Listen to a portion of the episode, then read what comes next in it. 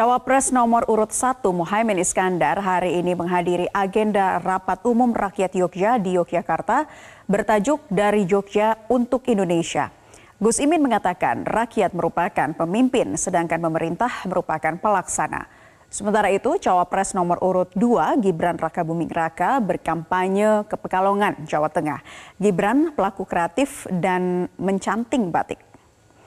Gus Imin didampingi oleh sejumlah jajaran dari Partai Koalisi PKB, PKS, dan Partai Umat dan Kokapten Timnas Amin, Thomas Lembong. Dalam pidatonya, Gus Imin menggaungkan semangat perubahan agar tercipta keadilan sosial bagi seluruh rakyat Indonesia. Gus Imin kembali menekankan food estate hanya menguntungkan segelintir perusahaan.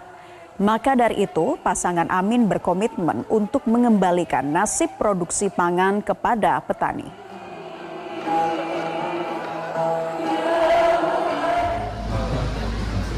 Di Pekalongan, Jawa Tengah, Cawapres nomor urut 2 Gibran Raka Buming Raka berkampanye di depan para pelaku industri kreatif dan turut membatik pada Senin pagi.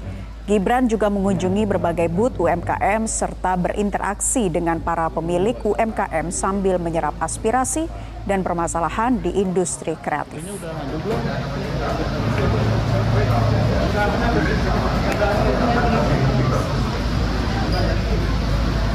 Jelajahi cara baru mendapatkan informasi. Download Metro TV Extend sekarang.